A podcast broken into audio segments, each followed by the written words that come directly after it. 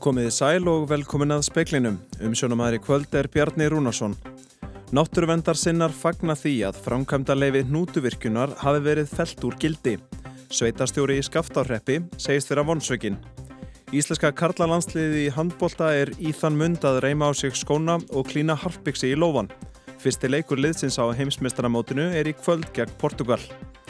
Þrátt fyrir vitundarvakningu og áskoranir er ennþá einum þriðja af öllum mat sem er framleitur í heiminum hent beint í ruslið. Gríðarlega stór rannsókn á matarsóun er farin af stað hér á landi og skal ná til allrar virðiskeðjunar. Nýliðið ár var það fymta heitasta frá upphafi mælinga. Árið markaðist af fordæma lausum öfgum í veðurfari sem verða bæði líklegri og hættulegri vegna lofslagsbreytinga, segir alþjóða veðurfræðistofnunin. Það er engin ein einföld lausn í öldrunarþjónustu. Vandin er flókin og lausnirnar margar, segir skrifstofustjóri öldrunarmála hjá Reykjavíkurborg. Þó hafi verið ljóst áratugum saman að bæta þyrti verulega í uppbyggingu hjúgrunarheimila. Nú er umur klukkutími þar til flautað er til leiks í fyrsta leik íslenska karlalandsliðið á HM í handbólta. Mótærin er Portugal og leikið er í Kristjánstad í Svíþjóð. Eftirvæntingin er mikil og ljóst að það mun heyrast vel í þeim mikla fjölda Íslandinga sem verður í stúkunni.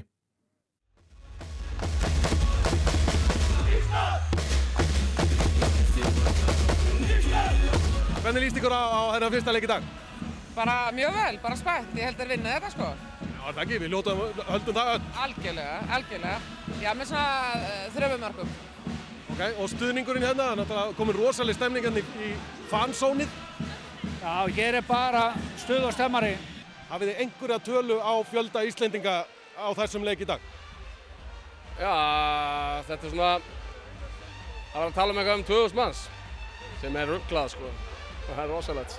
Það er að mynda stemningina, sérsveitin er mætt, verður með brjála stuða eftir.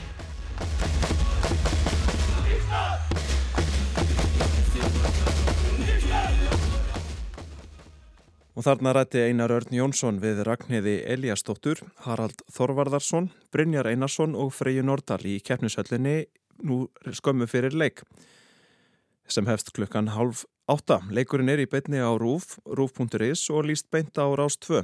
Útsending hefst klukkan sjö og leikurinn halv átta.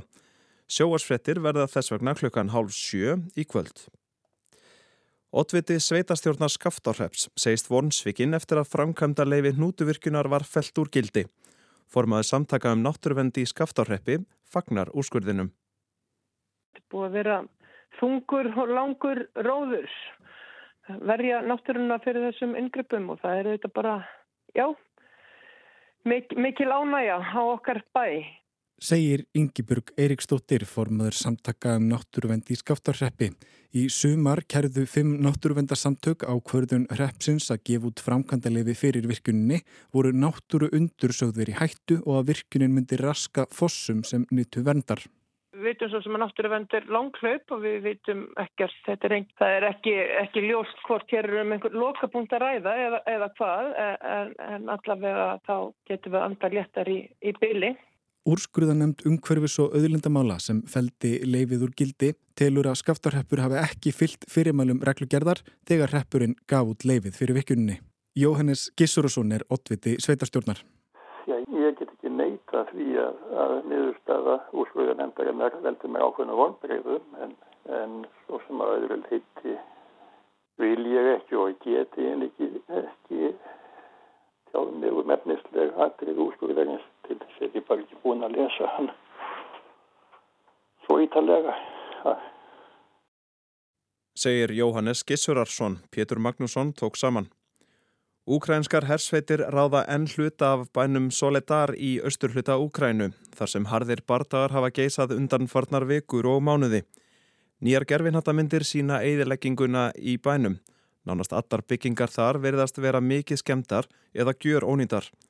Vestran ríki færast nær því að senda árásaskreitrega til Úkrænu til að byggja undir væntanlegar sóknar aðgerðir gegn rúsum. Pólverjar vilja senda þíska Leopard skreitrega þángað, þísk stjórnvöld íhuga það sama og ákvörðun breyta um að senda Challenger skreitrega er sögð vera á næsta leiti. Gríðarlega stór rannsókn á matarsóun hér á landi er farin af stað og verður hún samanburðar hæf við önnur Európulönd. Ísland hefur skuldbundið sig til að draga úr matarsóun samkvæmt heimsmarkmiðum saminuðu þjóðana. Matarsóun er reynd og klárt peningamál, segir sérfrængur hjá umhverfistofnun. Þetta er rannsókna á matasóun sem við gerum eins og önnur ríki Evrópu. Eh, Evrópuríkin eru að reyna að draga úr matasóun og þá skiptir mála þau viti hvar þau standa og geti verið sammála um einhverja sameiginlega aðferðfræði til að nota. Þannig að könnunin sem við gerum núna, hún er unnin með sam-evrópskri aðferðfræði og verður samanburða hæf. Hvernig eiga heimilin að fara að þessu? Hver eru beittustu vopnin? Já, ég myndi segja að það væri kannski nærtakast að nýta það sem er til á heimilinu hverju sinni. Þú veist, ég til dæmis og maðurinn minn, við fyrir svona reglulega í kaupstopp, til dæmis á þurfuru eða fristifuru, notum allt sem er til áður en við fyrir sín út í búð og, og kaupum meira. E, það er líka ótrúlega gott að vera dögulega að nýta afganga, þú veist, nota það sem að kannski var eldakvöldinu áður og vera bara frjóri að búa til nýja rétti, þú veist, með heilan kjúklingi gæðir, getur notað hann í takko eða pítu á morgun. Eh, það er líka mjög dýrmætt að læra listina að frista. Það má frista nánast allan mat og málið með matarsóun er að þetta er náttúrulega líka bara reynd og klárt peningamál. Eh, matarsóun, þegar þú veist að hérna, sóa mat, þú veist bara að henda pening. Þannig að hérna, þetta snertir líka við byttun á fólki. Saði Birgitta Stengrimsdóttir, Jóhanna Vildi Sjálladóttir talaði við hana og Jóhannes B. Urbansis Tómasson, nánar síðar í speklinum. Síðustu átta ár eru þau heitustu á jörðu frá því mælingar hófust. Meðalhiti á tímabilinu er 1,15 gráðum yfir meðalhita fyrir innbyltingu og er hlínunjarðar komin langleðina að mörgum Parisa samkómalagsins. Árið 2022 markaðist af fordæmalösum öfgum í veðri, afbreyðum sem verða bæði líklegri og hættulegri vegna lofslagsbreytinga, segir alþjóða veðufræðistofnuninn.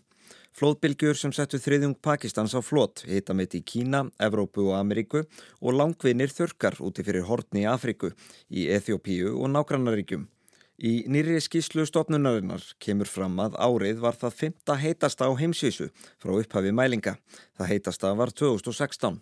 Nýliðið ár var einnig það áttunda í röð þar sem meðalhitti var meira en einni gráðu yfir meðalhitta fyrir yðnbildingu og gott betur endar, 1,15 gráðum. Ríki heims sammæltust árið 2015 um að reyna að halda hlínunjarðar innan einnar og hálfrar gráðu út öldina með að við fyrir innbyltingu. Petteri Talas, forstjóri alþjóða veðufræðistofnunarinnar, segir að líklega stittist í fyrsta árið þar sem farið verði yfir þessi mörg, í það minnsta tímaböndið. Alexander Kristjánsson saði frá. Góð málma náma sem nýverið fannst í Svíþjóð er svo stærsta sinnar tegundar í Evrópu. Sérfræðingar telli að náman geri Evrópu kleift að verða minna háð kynverskum yðnaði en áður.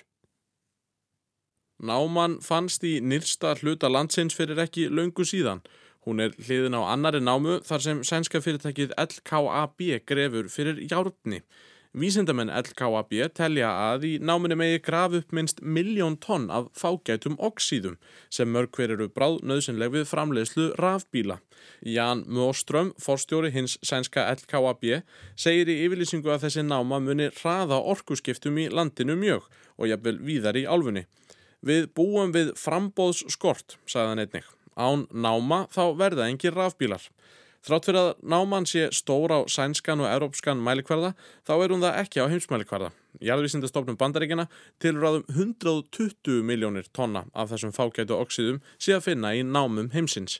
Framkvæmdastjórn ESB sæti í skýslu í hitta fyrra að 98% allra góðmálma í Európu væri fluttir inn frá Kína, nokkuð sem stjórnin vonaði að myndi vekja aðeldaríki til umvöksunar. Otur Þorðarsson saði frá. Stemtir á að næs er hefji áallunarflug frá Akureyri til Breitlands á ný í oktober. Framkvæmdastjóri félagsins er bjart sínt fyrir komandi flugar og hlakkar til að taka á móti breytum á Norðurlandi. Eftir að næs er hóf áallunarflug til Breitlands í júni komi í ljós ákveðin vandamál sem urði til þess að taka þurfti öll Breitlandsflug næs er frá Akureyri úr sölu. Nú virðist þó horfa til betri vegar og segir Þorvaldur Lúðvík Sigur Jónsson, framkvæmdastjóri næs-er, flug til Breitlands hefjast aftur í oktober. Áætlunin verður unnin í samstarfi við fjórar breskar ferðaskrifstofur, auk þess sem áfram verður flóið til annara áfangastada félagsins. Það er alveg líklegt að við gætum að hérna hafa flug áður en uh, það er allavega klárt frá með oktober. Aðspurður segir Þorvaldur félagið nú hafa fengið vissum fyrir að mega bjóða upp á áhöllunarflug til og frá Breitlandi. En hvers vegna oktober, hvað er það sem Þa... gerir það verkum að þá verði klálega hægt að byrja? Já, þá það er náttúrulega fyrst og fremst út af því að kjartaði okkar e, viðskiptum er vetrarferðamennska fyrir breyta til Íslands. Það er ákveði vandamál að við erum ekki með gistirími á Norðurlandi yfir sjömatíma. Það er ekki tótalplás til reyðu. Þannig að það, sko, frá með september þá verður þetta eh, léttar undir fæti. Saði Þorvaldur Lúðvík Sigurjónsson, Amanda Guðrún Bjarnadóttir talaði við hann.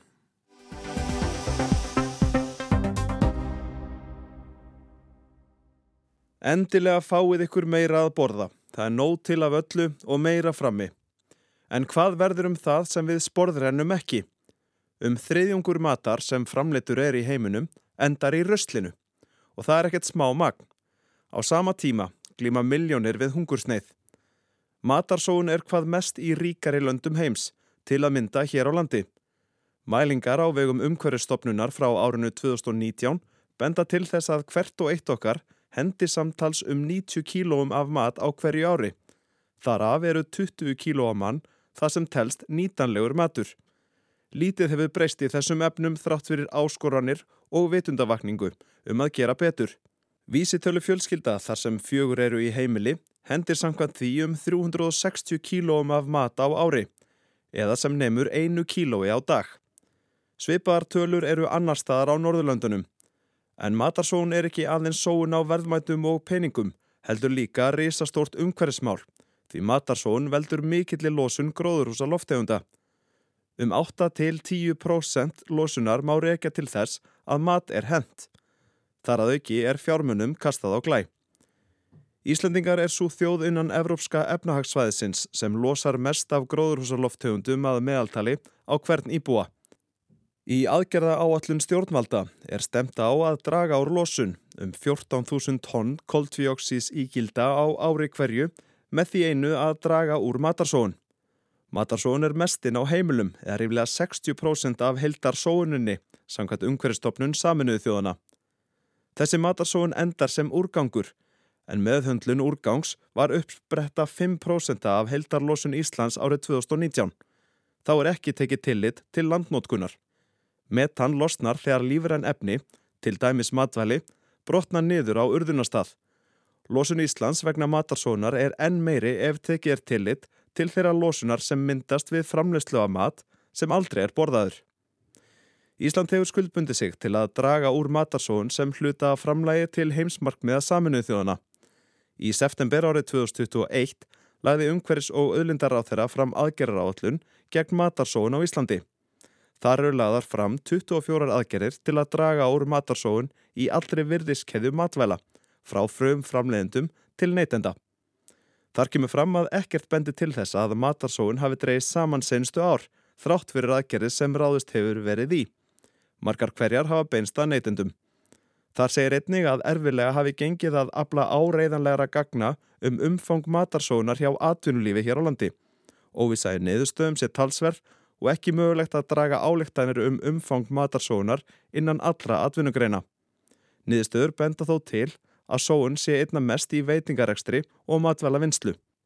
Í áður nefndri aðgerrarállunum minni matarsóun er kveðið á um að rannsaka þurfi umfang matarsóunar þannig að hægt sé að berað hana saman á milli landa í Európu og svo rannsókn er nú komin í gang.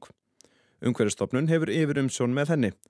Jóhanna Vigdís Hjaltadóttir rætti við Jóhannes B. Urbansik Tómasson og Birgitur Stengriðsdóttur. Þau eru bæði sérfræðingar í teimi Ringrásar hagkerfisins hjá umhverjastofnun. Þetta er rannsókn á matasóun sem við gerum eins og önnur ríki Evrópu. Eh, Evrópuríkin eru að reyna að draga úr matasóun og þá skiptir mála þau viti hvar þau standa og geti verið sammála um einhverja sammeiglega aðferðfræði til að nota. Þannig að könnunin sem við gerum núna, hún er unnin með sam-evrópskri aðferðfræði og verður samanburða hæfu önnur Evrópulönd. Og hvernig farið það þessu? Við gerum könnun á öllum þrepum virðiskeiðunar þannig að við fáum úrtak frá þjóðskrá og höfum samband við fyrirtæki og þetta eru fyrirtæki allt frá frumframleðslu sem að búa til mat og svo er í vinslu, dreifingu, smásölu og, og matarþjónustu og svo eru heimili þannig inni líka þannig að við erum að ná allri virðiskeiðinu og ættum að frá, fá frekar heilstifta mynd yfir matarsónu í Íslandi. Hvar er matarsónin mest? Það er náttúrulega erfitt að segja áður en við fáum niðurstöðunar. Yfirleitt er hún mest í matarþjónustu og í heimilum og miða við það er kannanir sem hafa áður verið gerðar á Íslandi og þá má búast við því að, að þetta séu okkar stærstu vinglar. Um, matarsóun á Íslandi hefur yfirleitt verið svipuð og í öðrum Evrópuríkjum en við höfum aldrei áður fengið svona skýra mynd yfir alla verðiskeiðuna þannig að það verður spennand að sjá hvað kemur út úr þessu. Hvaða vendingar gerir þú þér til niðurstaðana? Já það er kannski bara að uh, niðurstöðunar geti skýrt nákvæmlega hvar matarsóun verður og uh, þá verður miklu auðveldar að grípa til aðgerða til að minga hana. Við auðvitað höfum skuldbyndu okkur til að minga matasón, það er bæði loftslagsmál og það er líka skipti málu upp á okkar framlega til heimsmarkmiða saminuðu þjóðana. Þannig að þetta er mjög mikilvægt mál sem við erum að tækla þessi árin. Já, hvernig á fólk, hvernig eiga heimilin að fara að þessu? Hver eru beittustu vopnin? Já, ég myndi segja að það væri kannski nærtakast að nýta það sem er til á heimilinu hverju sinni. Þú veist, ég til dæmis og maðurinn minn við fyrir svona reglulega í kaupstopp, til dæmis á þurfuru eða fristifuru, notum allt sem er til áður en við fyrir sín út í búð og, og kaupum meira. Það er líka ótrúlega gott að vera dögulega að nýta afganga, veist, nota það sem að kannski var eldakvöldinu áður og vera bara frjóri að búa til nýja rétti, þú veist, með heilan kjúklingi gæðir, getur notað hann í taco eða pítu á morgun. Það er líka mjög dýrmætt að læra listina að frista. Það má frista nánast allan mat. Þannig að það er rjómaðin ískap sem er að verða hérna, skemdur eða hefur ekki nót fyrir, setja hann bara inn í, fristi. Og brauð og alls konar vöru sem er hægt að frista. Það er líka mjög mikilvægt fyrir fólk að þekka munin á þessum merkingum og matvælum eins og best fyrir og síðast í neysludagur. Af því það er mjög ólík merking þarna á milli. Vöru sem mertar eru best fyrir eru oftar en ekki bara ágætar eftir jafnvel betri. Þannig að við þurfum að vera dögulega að nota nefið á til dæmis mjölkuvörum, kornvörum og krytti og svo leiðis sem er mert best fyrir og ef að lyktin er í lægi og bræðið er í lægi þá er allt í lægi að borða þennan mat. Hins vegar ef að matur er mertu með síðast í neysludagur þá má alls ekki borðan þegar að sá dagur er, er, hérna, er liðin. Þannig að þarna getum við náttúrulega komið í veð fyrir rosalega mikla sóun og ég bendi á að við erum með fullt af upplýsingum og fræðslu og uppskriftir og geimslu aðferðir matvæla og svona, svona inn á samakekksóun.is og það eru líka upp, hérna, upplýsingar fyrir fyrirtæki.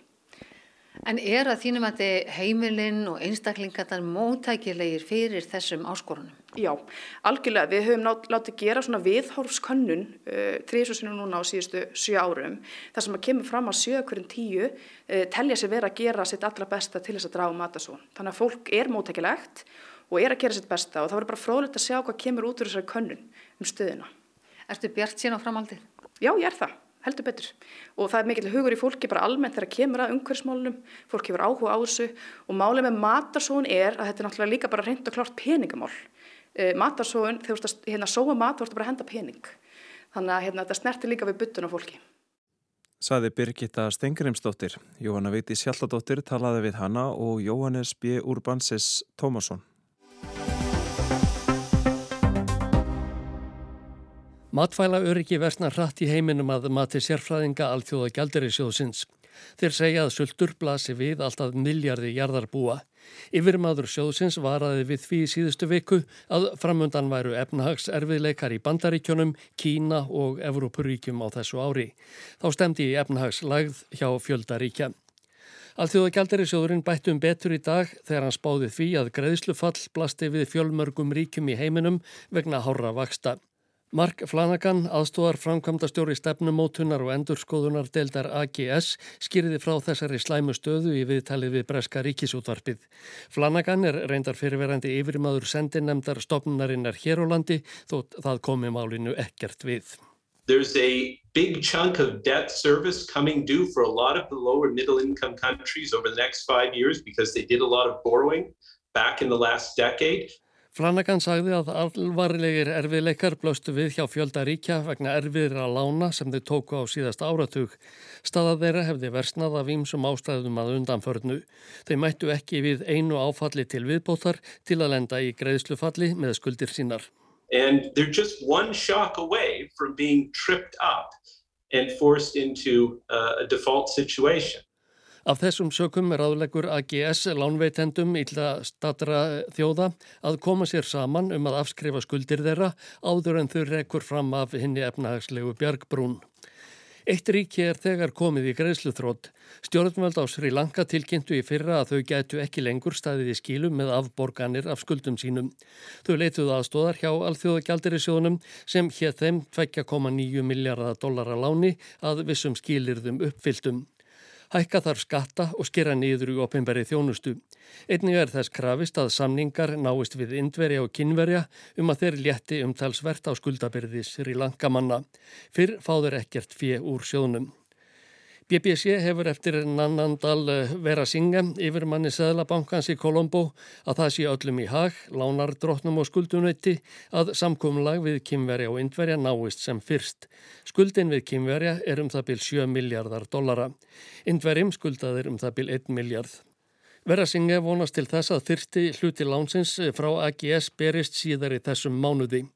Boltin sé hins vegar hjá lánardrótnunum, allt velti á ákvarðin þeirra. Efnahagsástendið á Sri Lanka er afar slæmt.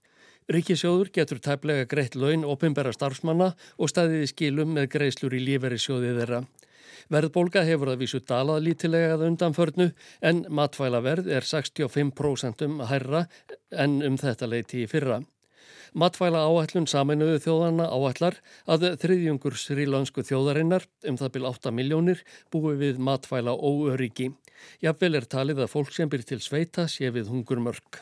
சீனி எல்லாம் கூட தானேங்க சார் எல்லாம் பஸ் கட்டணும் எல்லாம் கூட தானேங்க சார் அதனால் பொருளாதாரம் கொஞ்சம் பிரச்சனையாக தாங்க சார் இருக்குது போதுமான அளவுக்கு அவ்வளோக்கு இருக்குன்னு சொல்ல இயலாதுங்க சார் அப்படி தாங்க சார் பயமாக தாங்க சார் இருக்குது Hrísgrón, sekur og allt annað er orðið svo dýrt. Það er meira segja dýrt í strætó, sagði kona sem vann við telaugatýnslu þegar frettamæður BBC náði tali af henni.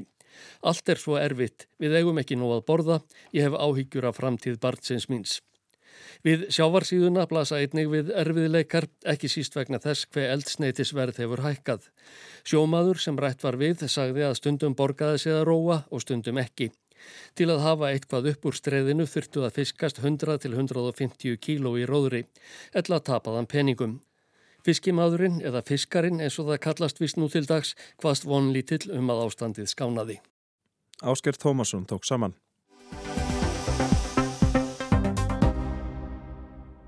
Öllum er ljóst að bæta þar verulega í öldrunna þjónustu á næstu árum. Þjóðin eldist hratt því að spáða fjöldi þeirra sem eru eldri en 70 tvöfaldist á næstu tæplega 30 árum og þrefaldist fyrir 2070.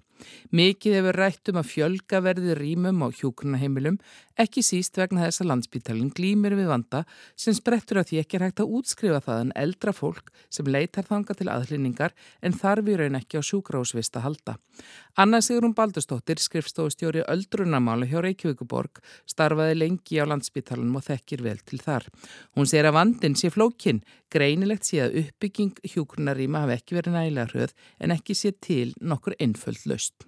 Það eru nefnilega svo margar og þá stundum lendum við í vandræðum á Íslandi þegar er ekki einn heildarlausn heldur eru þetta svona margir þættir sem þurfa að spila saman.